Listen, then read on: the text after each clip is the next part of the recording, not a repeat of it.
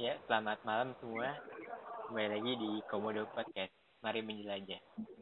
Untuk kali ini spesial untuk Hari Pahlawan tanggal 10 November.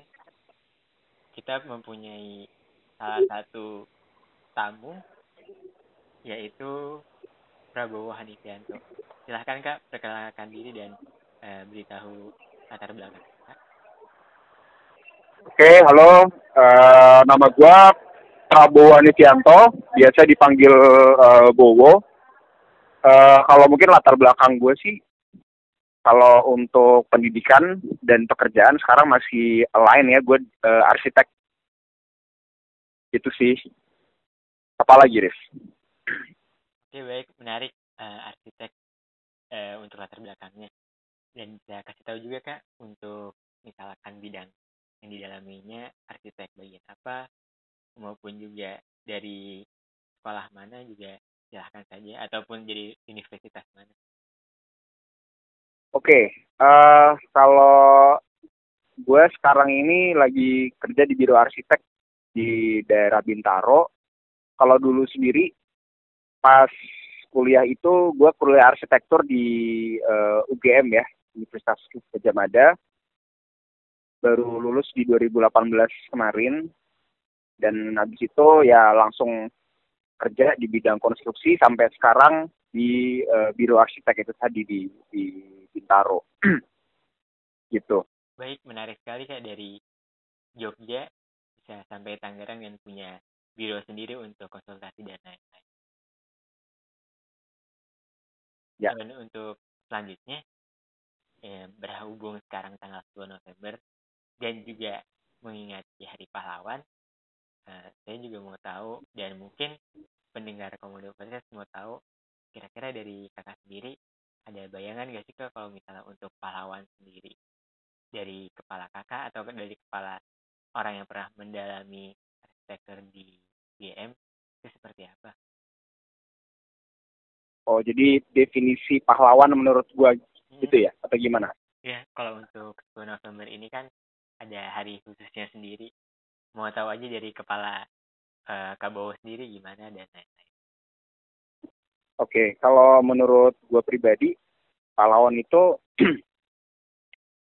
adalah orang yang rela untuk berkorban secara besar gitu ya untuk sebuah uh, sebuah kaos ya kaos apa ya sebuah alasan sebuah alasan yang besar gitu alasan yang uh, sifatnya untuk kebaikan orang banyak gitu. Itu sih poin-poin utamanya di situ.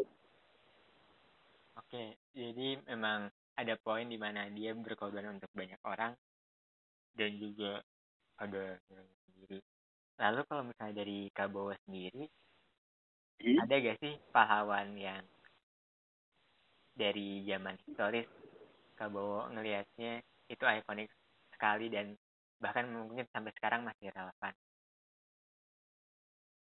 uh, apa namanya pahlawan yang zaman dulu apa gimana? Bebas yang zaman dulu sampai sekarang juga mau ngasih gambaran bisa. Oke, kalau dulu kalau pahlawan yang zaman dulu ya, maksudnya yang memang uh, terkenal gitu pahlawan Indonesia yang gua terus terang ngefans tuh Pangeran Diponegoro. Jadi uh, Pangeran Diponegoro itu menurut gue salah satu sosok uh, pangeran yang anti mainstream kan dia itu kan uh, apa namanya pangeran dari keraton Jogja ya. Dari keraton Jogja dan dia intinya kan dia terkenal atas apa uh, perang Jawanya ya. Jadi di tahun 9, eh, 1825 itu sampai 1830 itu terjadi perang besar. Mungkin bisa dibilang salah satu perang terbesar selama sejarah kolonialisme Belanda di Nusantara gitu ya. Dan itu di, dicetuskan istilahnya ya, atau dipicu oleh uh, tokoh yang bernama Pangeran Diponegoro ini. Jadi uh, dia dengan segala macam kepiawaiannya dalam uh, mempengaruhi orang, terus juga apa namanya uh, negosiasi, diplomasi dan segala macam itu dia bisa berhasil memprovokasi dalam tanda kutip dan menyatukan uh, masyarakat yang pada waktu itu di Pulau Jawa gitu ya untuk melawan uh, kolonial gitu. Dan itu keren sih ya. Maksudnya gue gue suka banget sama sosoknya gitu. Kemampuan dia untuk bisa uh, masuk ke berbagai generasi dan juga uh, kelompok sosial untuk akhirnya menyatukan mereka semua melawan kolonial itu keren banget sih. Gitu. ya luar biasa. Dari zaman kolonial maupun Renaissance dari 1825 sampai 1830 memang Panigo salah satu ikon sendiri yang di sana memang punya cara sendiri buat menyatukan ya menyatukan kekuatan-kekuatan di di Pulau Jawa. Di Pulau Jawa betul sekali. Iya, kira-kira gitu.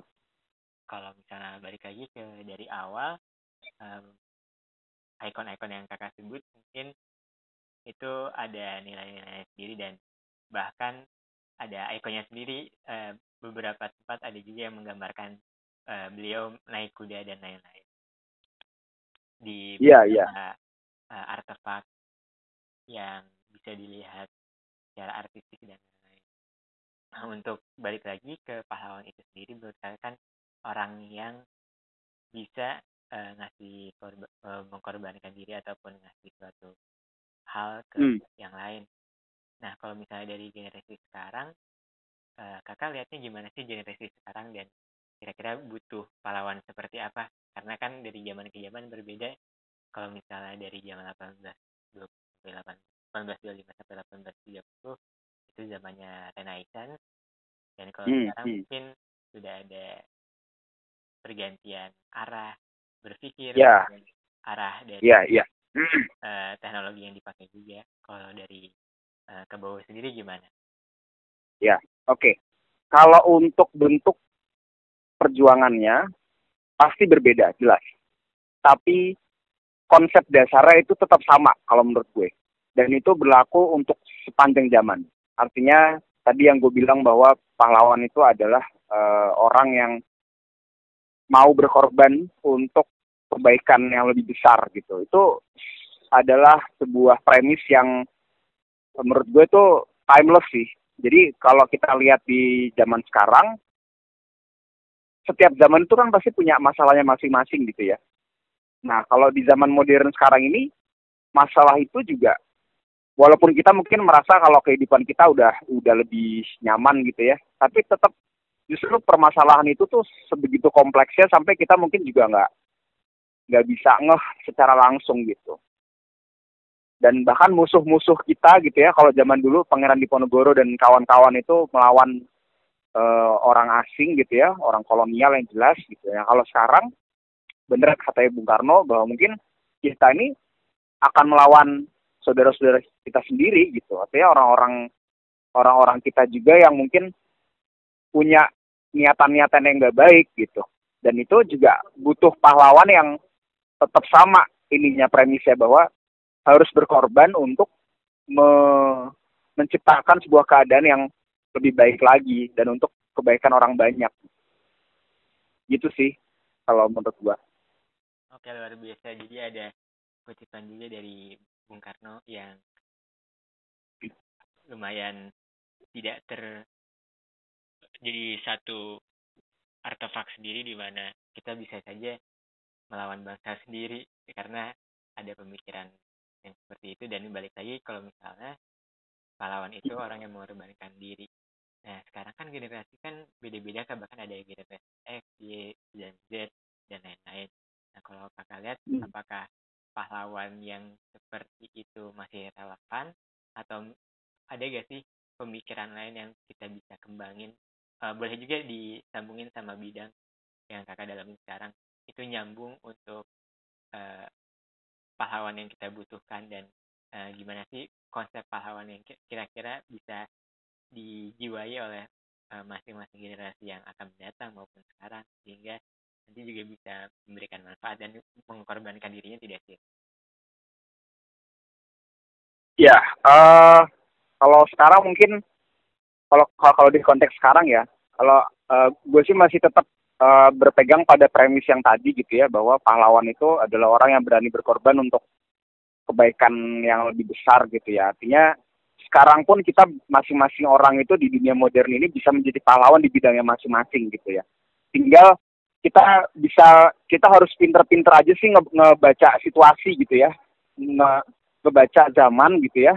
Dan dari situ kan nanti pasti akan ketahuan oh ternyata saat ini tuh yang kita butuhkan tuh ini karena masalahnya tuh ini gitu misalnya gitu ya. Uh, contoh nih ya di dalam bidang gue gitu di arsitektur misalnya kita ini kan sekarang lagi mengalami krisis iklim di mana-mana. Ya di seluruh dunia lah gitu. Climate change itu kan menjadi sebuah isu yang sekarang tuh lagi udah udah mulai uh, hangat gitu ya. Udah makin artinya orang tuh udah makin sadar gitu banyak orang yang mak makin sadar. Nah dari situ kita bisa melihat ke dalam ini kita masing-masing profesi kita masing-masing atau bidang keahlian kita masing-masing gitu. Apa sih yang kira-kira bisa gue uh, apa namanya lakukan? Kalau misalnya contoh gue pribadi misalnya di arsitektur gitu ya. Banyak kok sekarang arsitek-arsitek yang memang sudah memperjuangkan uh, konsep-konsep bangunan yang green building gitu misalnya ya.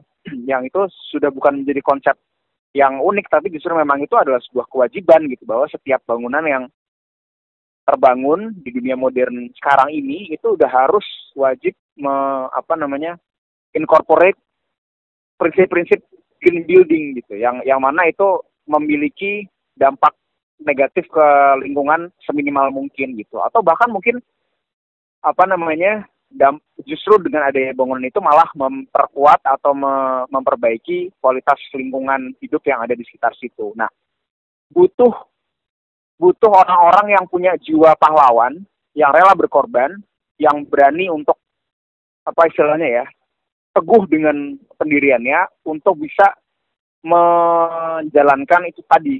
Karena sekarang walaupun orang udah paham tentang uh, krisis iklim gitu ya, tapi konsep penerapan green, green building itu sendiri pada kenyataannya di di dunia ini masih belum belum semua daerah atau semua negara tuh mau untuk me, apa namanya menerapkan itu dalam konteks uh, stakeholder stakeholdernya ya owner ownernya bisa itu orang bisa developernya bisa pemerintahannya gitu.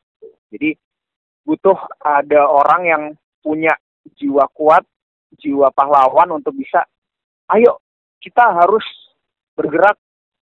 Arsitektur kita ini harus lebih bermanfaat buat lingkungan gitu. Harus buat apa harus bisa dampak lingkungannya itu dampak negatifnya itu seminimal mungkin gitu. Dan dan dan itu bukan hanya untuk saat itu juga. Artinya bukan hanya untuk generasi itu juga. Tapi ya itu untuk kelestarian alam dan kelestarian bumi untuk generasi-generasi selanjutnya gitu. Itu salah satu contoh aja sih oke luar biasa. Jadi udah ngasih contoh kalau misalnya berdasarkan bidang sendiri itu udah ada juga beberapa tempat yang menyesuaikan sesuai dengan premisnya yaitu mengorbankan diri. Dan juga mengorbankan diri juga bisa mengkonsep untuk kebutuhan eh, dari isu yang ada. Misalnya isu mengenai uh, klimat dan akhirnya membuat satu konsep baru seperti konsep uh, bangunan hijau untuk yeah. uh, zaman post pasca modern juga masih masuk. Dan mungkin dan juga dari sini uh, pendengar-pendengar yang tertarik uh, berdasarkan pengalaman kakak belajar di Yogyakarta itu apakah kakak menemukan uh, sosok-sosok orang yang mengorbankan diri di keseharian kakak? Bahkan di keselama kakak ditinggal di sana ataupun uh, kakak merasa hal tersebut juga ada di keseharian kakak selama kakak melakukan biro jasa yang kakak lakukan? Kalau misalnya ada silahkan ceritain oke jadi kalau untuk sosok yang uh, menurut gue inspiratif gitu ya tapi oh, di keseharian beliau ngelihat itu terus juga nggak masalah. Oke ya ini kebetulan sih kalau yang di ini tokohnya tokoh yang di Jogja gitu maksudnya? Di selama belajar bisa atau selama melakukan konsultasi di biro jasa juga bisa. Oke, oke. Um, kalau di selama berkarir ya, kalau selama berkarir sih uh, gue nggak begitu lihat ada belum belum nih belum. Belum belum begitu lihat ada sosok yang uh, sebegitu inspiratif. Tapi kalau misalnya dulu ketika masih kuliah di Jogja yang sebenarnya masih relevan sampai sekarang sih itu ada sosok uh, tapi beliau juga sudah wafat gitu ya. Artinya uh, gue belum sempat ketemu karena dia wafat juga udah cukup lama tapi legasinya itu masih bertahan yaitu uh, Romo Mangun namanya. Romo Mangun Wijaya. Mungkin kalau teman-teman di arsitektur udah udah udah cukup familiar lah dengan nama itu gitu. Beliau itu adalah seorang arsitek pernah menjadi dosen juga di UGM zaman awal-awal berdiri. Kemudian uh, dia juga adalah seorang rohaniwan seorang apa namanya uh, pastor Katolik makanya dia disebutnya Romo.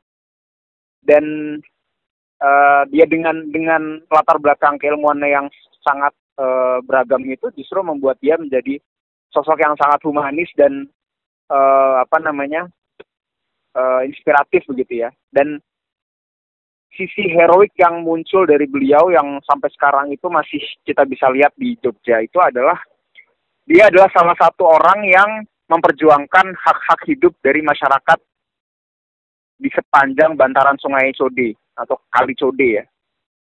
Jadi dulu Kali Code itu sempat pengen di istilahnya dinormalisasi gitu ya, di di di di relokasi orang-orangnya, tapi Romo Mangun di situ justru menjadi orang yang salah satu salah satu orang yang me, justru mem membela warga di sana untuk tetap berada, berada di sana gitu. Dan dengan ilmu arsitekturnya dia justru uh, menyulap bantaran Sungai Code itu uh, kampung-kampungnya itu menjadi kampung-kampung yang mungkin memang tidak tidak uh, bersih atau tidak rapi seperti dalam mindsetnya orang-orang modern kota gitu ya tapi setidaknya menjadi lebih layak huni gitu dan itu sangat-sangat luar biasa sih dan dan Romo Mangun banyak dapat penghargaan atas uh, perjuangannya itu gitu. Itu, itu sih salah satunya. Jadi ada ada pengorbanan juga dari Romo Mangun sampai membuat lingkungan binaannya bahkan dari fisik dan lingkungannya saling seimbang. Oke. Okay, ya, betul.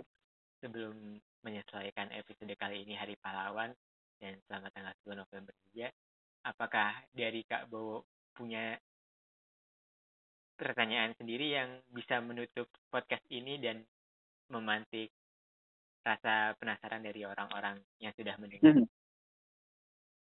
Oke, okay. um, pertanyaan ya, wah ini langsung ditembak ini.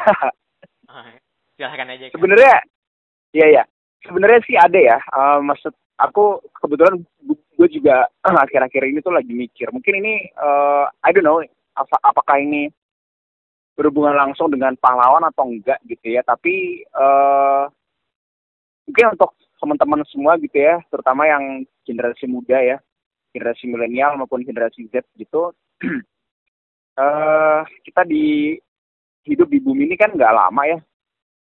Masa muda kita juga nggak apalagi gitu artinya lebih lebih lebih singkat lagi gitu. Kira-kira apakah kita udah tahu nih kita bakalan menghabiskan hidup kita buat apa dan akan ke mana hidup kita gitu nanti? Apakah kita semua udah tahu ketika nanti kita wafat gitu kita tuh mau dikenal sebagai orang yang apa gitu itu akan menentukan jalan hidup kita bakal dibawa ke mana itu sih paling Oke, luar biasa. Kabu Hanifianto. Sekian untuk episode kali ini Hari Pahlawan, selamat Hari Pahlawan.